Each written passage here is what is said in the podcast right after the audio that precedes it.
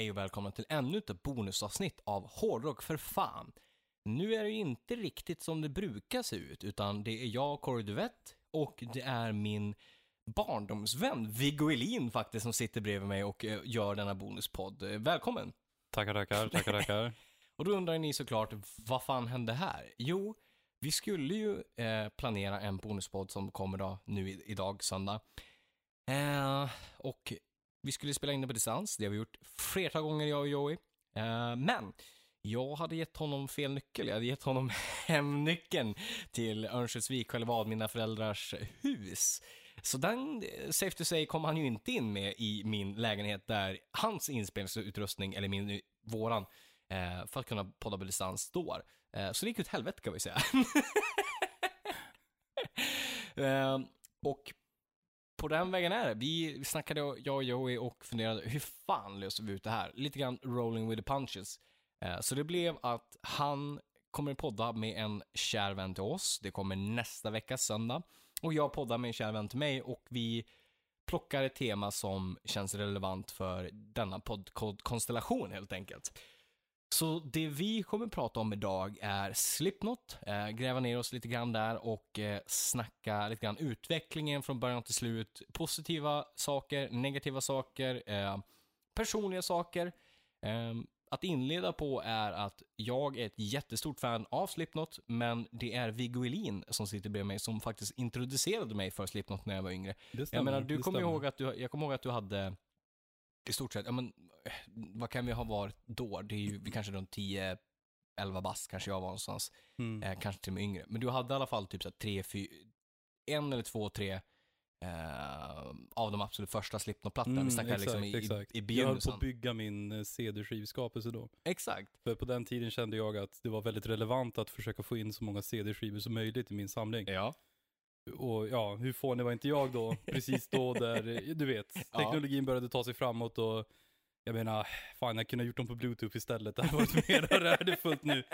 Men, ja. Men det är ändå kreddigt med CD-skivorna. Det Och är ändå... ju det, men folk säger ju samtidigt att kolla in den här LP-skivan jag köpte. Ja, jo, jo. Wink wink, en person här på podden brukar ofta Ja, vara den som pratar om det. Så är det ju. Men Ingen man... går runt och säger att kolla in den här otroliga CD-skivsamlingen jag har av plastig skit. Ja, fast jag kan ändå tycka att CD är charmigt. Och om man tänker på hur det såg ut typ då, så har ju vinylen fått en uppsving nu kontra då. CD Ja, ja. var ju, Ja, ja. tog ju i långt Absolut. 20 år, gick ju Jo. förbi vinylen.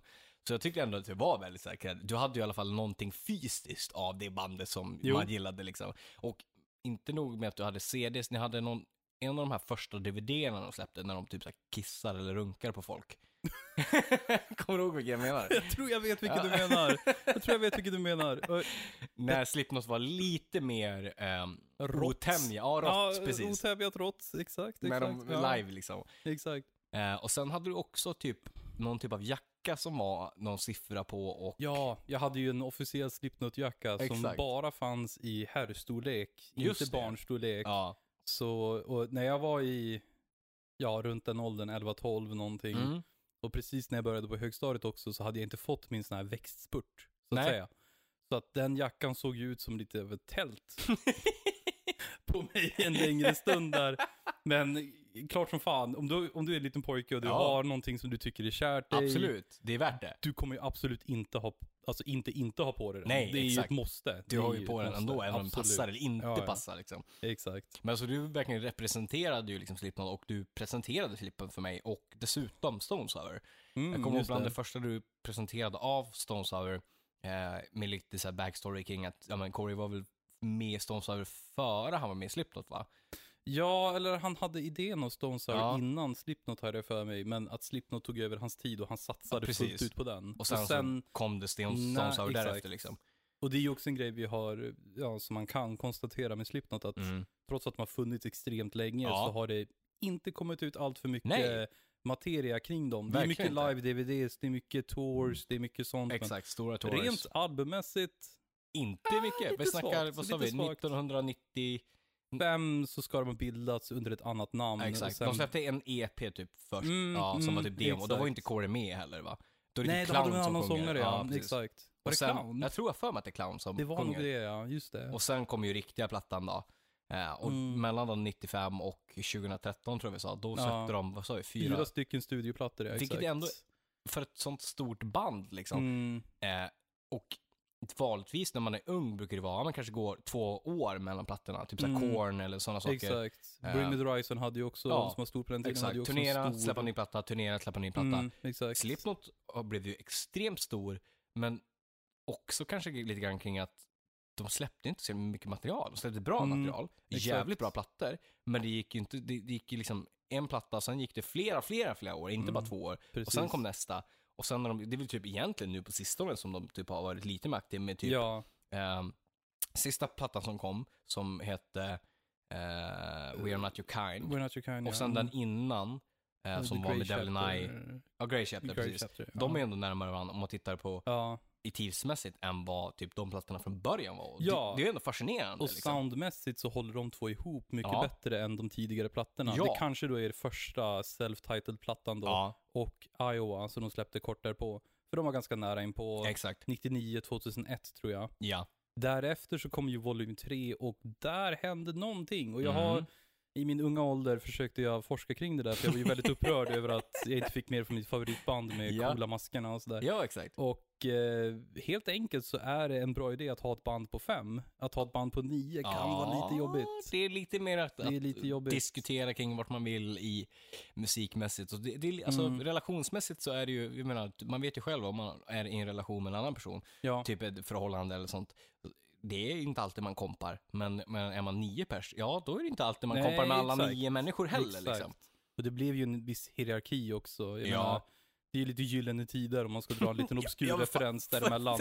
Att du hade ju en eller två överhu- överhöns där Ja, som satt exakt. och liksom styrde upp och Ja. piskade fram eh, de olika dagordningarna. Exakt. Därefter så fick de andra bara falla efter. Ja men så Men är det om ju. du säger så här, Sid till exempel. Ja, som DJ:n. andra, ja exakt, exakt. Som, som, som DJ som kommer in där på sidan. Och han Ja. är med, du märker honom på kanske fem låtar jag kan tänka rakt Ja, av på huvudet det är just nu. inte alla spår. Exakt. det är mer Vad har han att säga till om i musikskapandets väg? Nej, jag tror inte att det är så, alltså det har vi både jag och Joey diskuterat förut också, liksom att kring det här när eh, han med en långnäsa fick kicken. Mm. Eh, och varför liksom så här. Uppenbarligen för att de inte har skrivit... Jag trodde det var Sid. Nej, Sid är ju han som har haft eh, eh, dels på... Spikarna eller? Nej, det är inte heller han. Eh, han hade ju gasmasken från början. Ja, just det! Och sen så blev det med steampunk och, och nu har han ju på senaste har han den här hooded-grejen med någon Ja. latexmask liksom. Han hade ju ett hyfsat lyckat metal DJ sidospår när han körde sologrejer som Ja, jag lyssnade faktiskt. lite på. Och det var ju väldigt intressant, men det var ju en absolut Bra där. En absolut, en absolut här, väldigt främmande grej för en som Ja. på den tiden kände att jag vill dyka det är in en bra i kombo liksom ändå liksom. Men, men som du säger, jag tror inte han är så bidragande, han är mer ett strössel än vad han är låtskriveri. För Mm. vad jag har hört och läst liksom, så verkar det ju vara, det är ju Corey Taylor och det är, vilket typ, jag har sagt det här gång, gång, gång till min pappa, liksom, vem är äger bandet? Jo, Clown. Mm. Ja, Ja, han han slår, exakt. står ju bara slår, pappa är alltid fascinerad, han, han står live och slår med ett baseballträ på Mm. liksom, en kagge liksom. Ja, Eh, eller på liksom en, ja, men det ser ut som en beer keg liksom. ja, Eh, men det är han som skriver framförallt grunden och i stort sett alla låtarna musik, alltså instrumentalt, så är det han som är bidragande och skriver så mycket material. ja, absolut. Och det Absolut. kanske man inte tänker sig liksom att, ja men fan, ja, han kanske growlar eller körar så mycket någonstans, men inte så mycket. Utan det är mer att han är mer en ploj-grej live, men han är Ja. ändå den som står bakom, har vis- visionen av Mm. Slipknot tillsammans med typ Corey framförallt. Ja. Från eh, 99 så tog det faktiskt nio år tills dess att han skulle få spela trummor, alltså Ja. huvudtrummor, inte slagverk, Nej, precis. på en låt. Fram tills 2008 då de släppte. All Hope Is Lost. Mm. Och då han spelade All Hope Is Gone, låten... va? All Hope Is, All Hope Is Gone, förlåt. exakt. All Hope Is Gone, förlåt. Ja. Eh, och det var en bonuslåt som jag hade fått på en eh, så här, premium Oh, deluxe edition. Ja, du det ser. finns en bra historia där också. Det var faktiskt den första plattan jag lyckades eh, Nice. köpa in av dem. Exakt. Eh, och där var det en låt som hette eh, Till We Die, Ja, eller någonting, där de sjunger We Are The Nine och ja de nio ska representera de nio originalmedlemmarna i Just bandet det, då, ja. exakt. Eh, och det var ärligt talat från 99 tills då han inte hade spelat en enda liksom så här. Det är ändå rätt sjukt ändå. Och Ja, ändå var faktiskt. stommen i bandet. Typ ja, så här. absolut. Och det var ju ännu mer intressant att efter 2013, Ja. då originaltrummisen eh, var tvungen att ge vika för... eh, Joey Jordison, ja Exakt, precis. han gav vika för Ryggproblem och Ryggproblem, ja. annat, Mm. typ.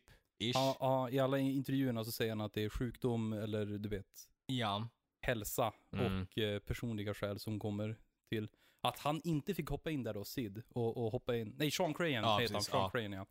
Att han inte han fick hoppa in där och ta över var ju en, det var en överraskning faktiskt. Ja, alltså faktiskt. Eh, sen så gillar jag i och för sig utvecklingen med, med eh, nya trummisen som de har, som är son till han som spelar med Bruce Springsteen och grejer. Han heter ju, eh, åh vad heter han? Han heter, eh, nu har jag nästan tappat namnet. Nu får Patrons vara med på att vi får fa- faktiskt googla det här, för jag vill säga, säga rätt kring det här. Det stämmer, det stämmer. De, de, men de, de är van med den grejen. Men jo, han är son, äh, Weinberg heter han ju. Reinberg. Jag tror att det är, om jag säger rätt, om det är det Alex verkligen? Weinberg. Jay Weinberg, precis. Son till eh, någon annan Weinberg som har spelat liksom så här sessionmusiker med eh, ja, men Bruce Springsteen och så. Så han är ju kommer Ja. från en trumfarsa liksom så här. När man vet- drar det så, Ja, Springsteen till Slipknot, ja det är ett litet det är hopp. hopp. Det är det hopp, det är hopp. Absolut.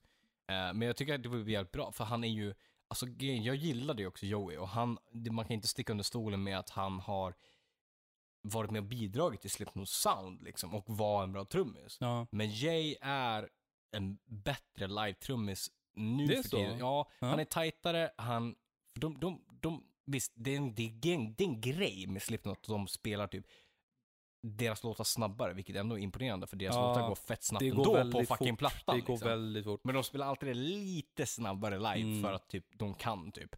Mm. Men ehm, Jay där, Weinberg, han är ju, eh, han är en tajtare trummis. Han, eh, Jay, eller vet du det, Joey hade lite problem med att han sackade, om det var på ryggproblem eller om det var på grund av lite droger. Det måste ju ha varit mot slutet ja, då. Mot, mot, slutet. Ja. Eh, men var inte alltid liksom en, han var bra trummis i studion men var inte alltid en bra stabil trummis live. Men det kan ju vara på grund av ryggen och så. Mhm. Så det är väl ändå ett lyft tycker jag eh, med att typ de är tajtare live. För trummorna är ju ändå en jävligt viktig stomme för att allting ska Ja, liksom flyta på ja, som det är. Liksom. Absolut, absolut.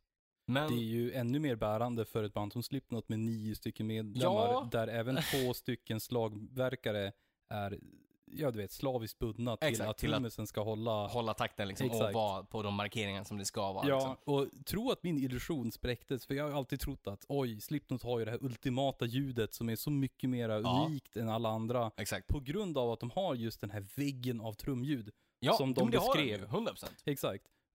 Tror inte man blir lite besviken när man såg dem live första gången och så såg man och tänkte att men hallå, det är ju mest bara trumset jag hör faktiskt. Exakt. Och att Joey då, vilket jag såg på Ja. den tiden första gången, jag såg Det var första, 2000, Metal Town eller? Metal Town ja, 2010 eller 2011, jag minns Ja, inte just det, är ändå exakt. rätt tidigt, liksom. Jag var där två år Runt i rad. All Hope Is Gone typ. Ja, exakt. De har relativt nya med den, två, tre år på Ja. nacken. Eh, ja, så att när man såg dem live då kände man att men det är faktiskt Joey som bär alltså trumljudet Ja. extremt mycket. Och jag menar, många kan ju känna då att, men det är ju såklart, han har ju trumsetet. Ja, Det är ju sant, det är ju sant. Men vad gör de andra två under tiden då? nej exakt. Kan man ju tänka. Och eh, jag vart ju glatt överraskad över hur eh, han avslutade hela sin show också Ja. med att verkligen visa ett starkt farväl. Ja men exakt. Har du sett det från Joeys gamla DVDer? Jag De, tror har sett det. Det var, ett tag sedan, men jag, jag Mm. kände igen hela grejen liksom. det första du märker när du ser dem är att han Mm. är ju såklart i mitten. Ja, givetvis. Vik, viktigt, upphöjt på en plattform Ja, där. exakt. Men han sitter också på en sån här eh, typ pilotstol Ja, av slag. Precis. Som har eh, hela vägen upp till nackstöd.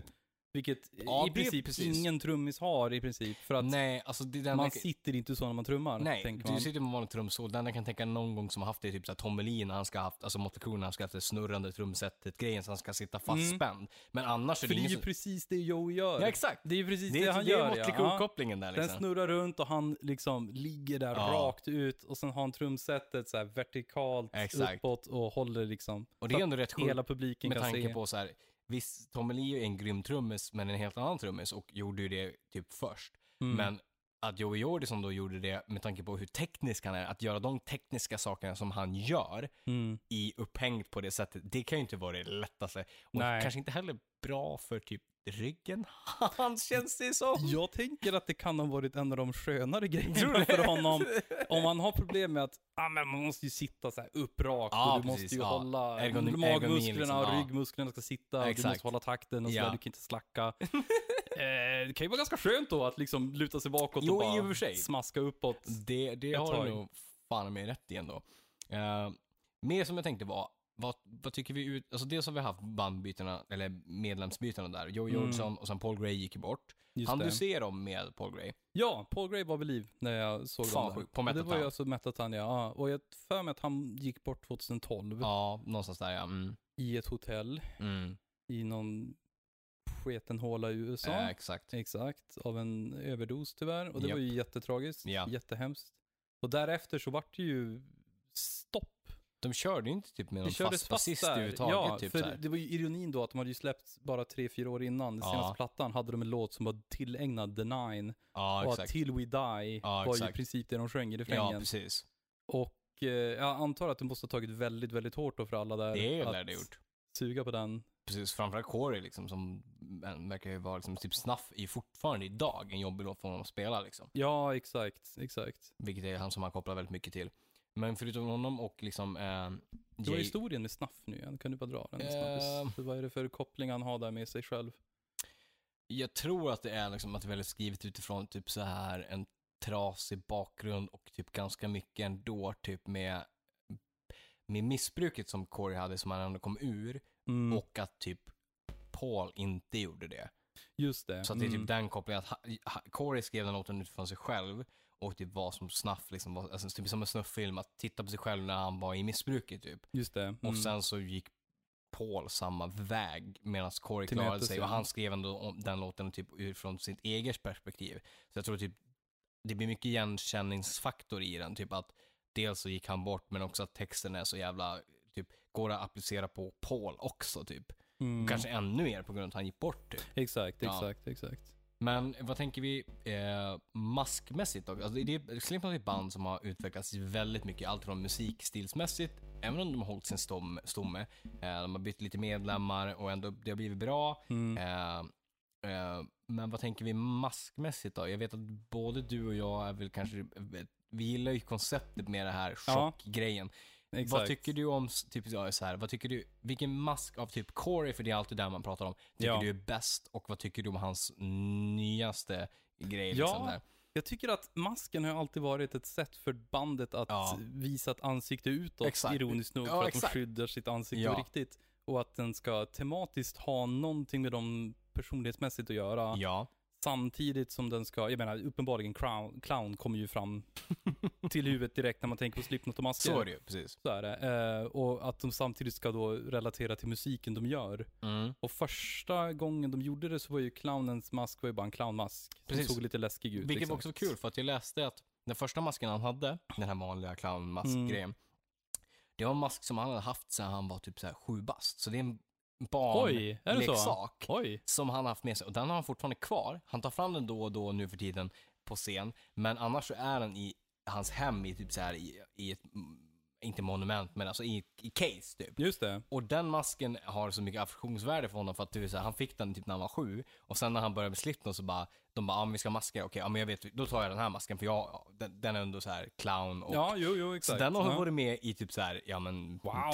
30 år. Ja, typ. men det är ju en mäktig Och det historia är att bära samma ändå. fucking mask liksom. Ja. Inte att de har haft flera stycken utan det var hans liksom, som han fick när han var liten som hängde Wow. med liksom. Det är ändå Ja, fett det är coolt stort, liksom. det är stort, det är stort. Men som, som du säger, det, är ju den som man, clown är ju den man kanske kan tänka på framför allt. För han sticker ut med clown, även om han har utvecklats med, gjort maskerna lite annorlunda, så har han ändå hållit lite samma röda tråd med att det är en Ja, clown liksom. ja.